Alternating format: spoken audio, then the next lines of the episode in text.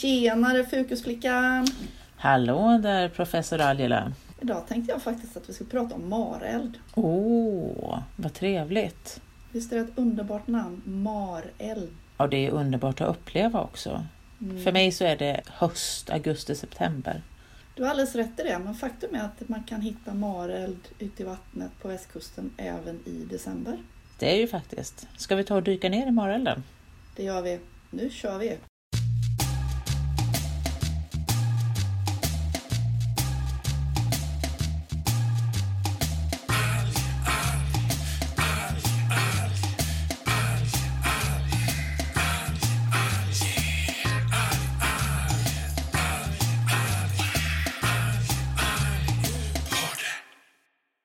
Angela, vi ska prata om mareld idag. Vad är mareld? Ja, mareld är ett fenomen, alltså det är ett biologiskt ljus, bioluminescens kallar man det för. Och eh, i det här fallet så utsöndras det av dinoflagellater och det är en alldeles speciell art av dinoflagellater. Dinoflagellater kallar man ibland på svenska för pansarflagellater. De kan variera ganska mycket i storlek och just den här arten som vi har som sänder ut det här ljuset som vi då kallar mareld, populär namn, det är Noctilucas scintilans. Oh, det hör man ju nästan på, på namnet scintilans. Det låter som det har någonting med lysande att göra. Och det har det. Och de här, vad som är fascinerande med de här det är att de är encelliga, så att det är en cell. Och den kan faktiskt bli upp till 2 millimeter så att man kan se den med blotta ögat. Men vanligen så ligger den någonstans i storlek mellan en halv till en millimeter. Ibland på svenska så kallar man den faktiskt för just mareldsflagellat. Men vi var inne på det här i tidigare avsnitt också med artnamn och svenska namn. Att det kan vara väldigt många olika namn på svenska men Noctiluca scintilans, det står sig, det latinska namnet. Ja, vad spännande. För det, marelden som sagt, har man varit på västkusten någon, någon mörk som sagt sensommar, höstkväll och, och, rört i vattnet så har man ju kanske sett det här. Men som du sa innan, marelden den finns ju i vattnet året runt. Men varför är det så att man ser den bäst på hösten? Dels är det ju det naturligtvis att det är mörkare på hösten. Alltså det behöver ju vara mörkt för att vi ska kunna se det. Och sen så är det, den, den finns företrädesvis i stora ansamlingar just under senare delen av året. Men du har ju helt rätt. Alltså ibland kan vi ha lokala blomningar. Blomningar säger vi att det är väldigt mycket celler i vattnet. Då. Men vi kan ha dem väldigt lokalt även mitt i sommaren. Men då ser vi ju inte det. Så då har det inte riktigt någon funktion. Men det tror jag jag har sett ibland att det, det finns, då blir det som ett rosa skum på ytan som luktar lite sötjolmigt. Va? Är det marelden som blommar då? Det kan vara så ja, absolut. Eh, de har ju, alltså, det var som är så lustigt med marelden nu. Där, nu säger vi att det är en dinoflagellat och det är det ju. Och så säger vi att det är en alg. Men nu dyker vi ju ner i den här världen då där man inte riktigt vet vad som är vad. För de här fotosyntetiserar inte. Så per definition så är de egentligen inte alger, men de tillhör en grupp där det finns representanter både för fotosyntetiserare och de organismer som äter andra organismer.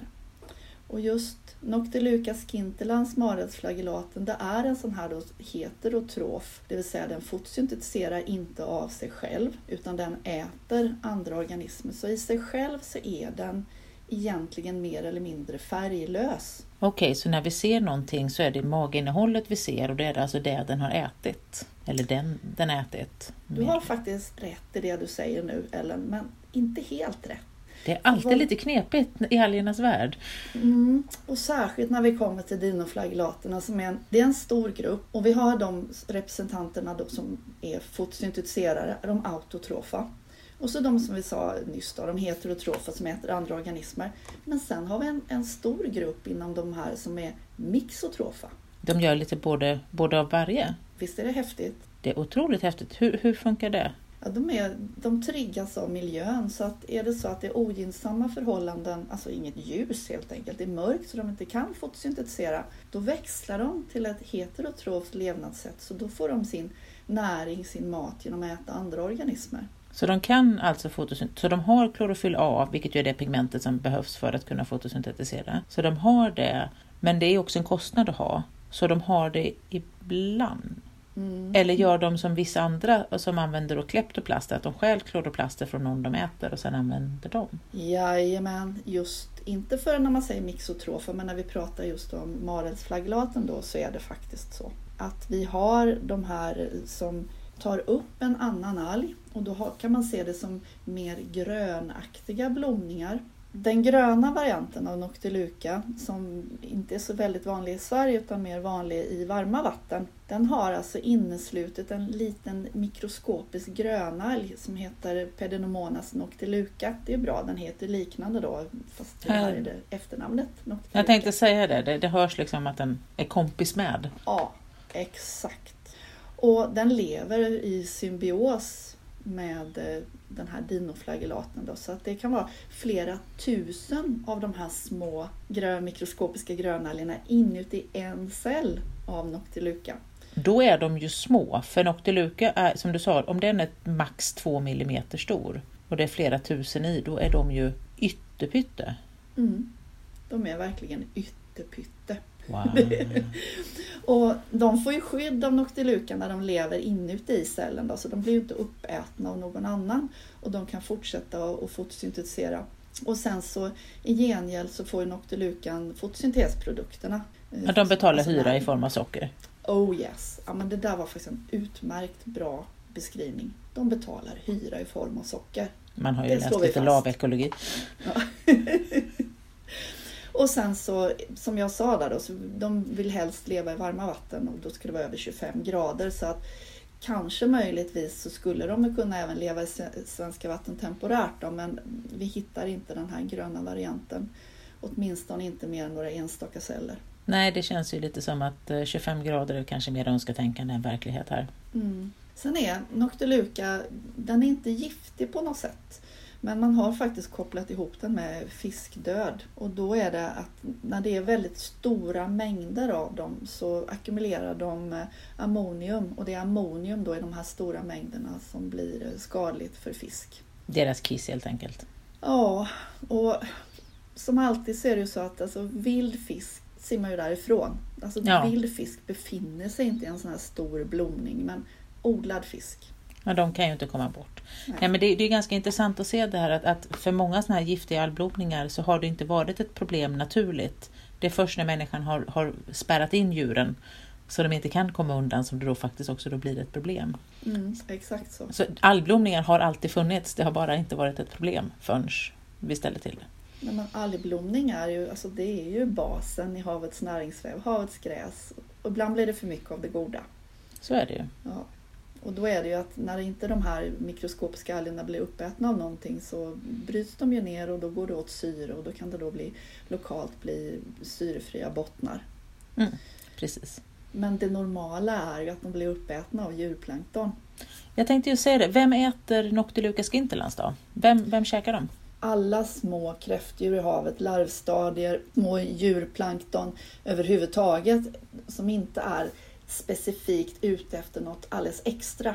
De som är allmänätare kan vi väl kalla det på ett bra, ett bra svenskt uttryck. Då, att, eh, de äter de här. Så får man plats i munnen på någon så. Ja, absolut. Och sen om vi då skulle mot förmodan ha en valhaj i våra vatten så skulle de också äta de här. För de filtrerar ju alla plankton, både djurplankton och växtplankton. Brugden gör det också. Ja, just det. Det har du rätt i. Och den har vi faktiskt ibland i våra vatten. Ja, det är häftigt. Mm. Att en sån stor rackare lever på så små organismer. Mm. Även coola typer äter alger. Ja, eller hur? För det går åt väldigt mycket. Det gör det. Men du, alltså om vi tar den här vår lilla raring nu då, marelsflagellaten. Så den tillhör ju som sagt dinoflagellaterna och de har ju normalt två flageller. Och flageller, det är ju det är någonting som de använder sig av för att kunna röra sig. Men de räknas ju till gruppen faktiskt växtplankton även om de då är heterotrofa. De kan inte röra sig mot strömmar utan det måste vara lugnt vatten för att de ska kunna röra sig med hjälp av sina flageller. Så att om man, det är därför också det krävs ett lugnt vatten för att få de här stora ansamlingarna. För att är det vatten, för mycket vattenrörelse så sprids de ut helt enkelt. Ja men precis, för det kommer jag ihåg att man fick lära sig att definitionen på plankton är kan inte simma mot en vattenström. Kan man simma mot en vattenström då är man nekton. Och dit hör alla fiskar, för nästan utom klumpfisken. Typ. Ja, men det stämmer ju. Och sen så är det så här nu också att vår kära vän Noctilucan den, har, den är ett undantag för den har inte de här typiska dinoflagellats flagellerna. utan den har en som är lite tillbakabildad och sen så har de en, en ordentlig kan vi kalla det för. Då. Eh, och den som, de här flagellerna som inte är så framträdande, de tror man används inte så mycket för rörelse utan mer kanske lite grann avvägning så att de inte sjunker för snabbt ner i vattenmassan. Eh, och de ser, om man tittar på dem med mikroskop så kan de se ut som ja, hela, hela cellen då som, jag skulle säga att det ser ut som en trasig plastpåse. Jag tycker de påminner lite grann om ett näckrosblad, det brukar jag alltid känna igen dem på. Mm. Ja men det är också en bra liknelse, genomskinligt näckrosblad då. Men så vi har, vi har alltså en alg som inte fotosyntetiserar, som är en dinoflagellat fast den inte har pansaret och inte har flagellerna. Det här är straight forward kan vi säga. Mm. Och det är väl det enda som är sant i vår värld i marinbiologi att det finns ingenting som är hundraprocentigt säkert. Det man måste tänka på är att den här indelningen har ju inte naturen gjort, den har ju vi människor gjort för att försöka sortera det. Och ibland så blir det lite skohorn. Men vi är ju väldigt förtjusta att ha den här byrån med alla små lådor och varje liten låda ska ha en etikett. Och så är det ju då ett antal organismer som inte vill ha den, just den etiketten och hamna mittemellan eller bakom lådan. Så är det. Think outside the box. Ja, Om man ska jobba med alger. Men samtidigt är det det som är det spännande med det. Det är mycket roligt. Och just, jag, jag förlåter ju Noctiluca allt det här problematiken rent systematiskt. Dels eftersom jag kan tycka att systematik ibland blir väldigt knepigt, men också för att den är så vacker. För om Ja. man hoppar ner i havet en sen augustikväll och det är varmt i vattnet och man inte prickar en brännmanet, så är det ju faktiskt som att bada i universum. Ja, visst är det. Man släcker lampan och man simmar fram och man simmar i det här lite blågröna skenet. Eller, ja, ibland är det närmast ljusblått.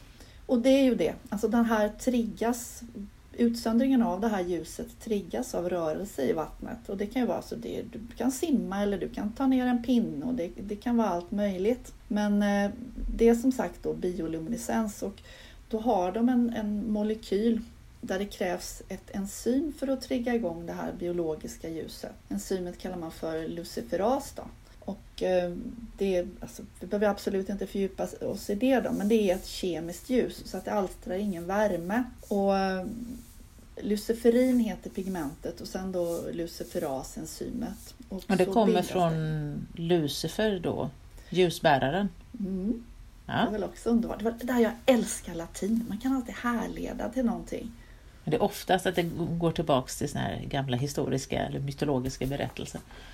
Det är det, kul. alltså, det är därför det är så roligt med latin. Man ska verkligen fördjupa sig mer i det i själva språket för att kunna härleda var namnen kommer ifrån. Men eh, om vi ska ta så här mer exakt då, så det här, det här pigmentet oxideras för de som är kemiskt intresserade med hjälp av enzymet och då bildas det här då kalla ljuset som vi ser. Och då behövs det ju väldigt många celler för att vi ska kunna se det. Det har vi ju redan varit inne på. Eh, sen så kan man ju fundera på vad är det här bra för? Och det är också här jätteroliga med biologin återigen. Vi vet inte. Jag har hört en, en tänkbar förklaring till det hela. Och det är den här fiendes fiende konceptet. Att när det kommer någon liten hoppkräfta som vill äta upp eh, noctilucan så känner den av i vattnet att den kanske stöter emot den och då lyser noctilucan upp och belyser hoppkräftan. Och då kan fiskar som är visuella predatorer se dem och äta upp hoppkräftan. Och så på så sätt så, så skyddas noctilucan genom att den, den hjälper till. Lyser upp sina fiender och får dem uppätna. Ja, Det tycker jag känns som en- rimlig förklaring till hur det funkar. jag håller med dig. Sen så dyker det också upp teorier att det är, man skickar ut det bara för att helt enkelt chocka en predator. Jag vet inte riktigt om det håller. Jag Ja, men som sagt, hur det- chockad det- blir en räka? Ja, men lite så. Lite så. Särskilt i det här, de här encelliga organismerna så känns det inte riktigt... Eh, men, men jag, jag ska absolut inte säga att eh, teorin är felaktig för att eh, det återstår att bevisa. Nobody knows. Mm. Och det finns men... mycket sånt här inom, inom den här världen där vi inte vet. Alltså det finns många stora forskningsfält, många vita white sheets så om vi har några, några lyssnare som är särskilt intresserade eller några studenter som är intresserade så är ju det här någonting som man verkligen skulle vilja forska vidare på. Ja, ja, alla pusselbitar är långt ifrån lagda. Mm. Det kan vi gå i god för. Men vad spännande Angela, då har vi alltså lärt oss mer om Noctiluca scintilans. Och jag kan ju verkligen rekommendera våra lyssnare att om ni inte har upplevt detta så Åk till västkusten i augusti-september när det fortfarande är varmt i vattnet och hoppa i. Det är, man kan betala många miljoner dollar för att åka ut i rymden i en raket men ett dopp på västkusten i Mareld är nästan en bättre upplevelse kan jag våga lova. Och jag kan inte annat än hålla med. Så ut och leta mareld, hoppa i vattnet och kom ihåg, förra året så hade vi mareld även i december. Så det är inte för sent än. Men kom ihåg att ta en varm baddräkt. Vi ses! Tjing!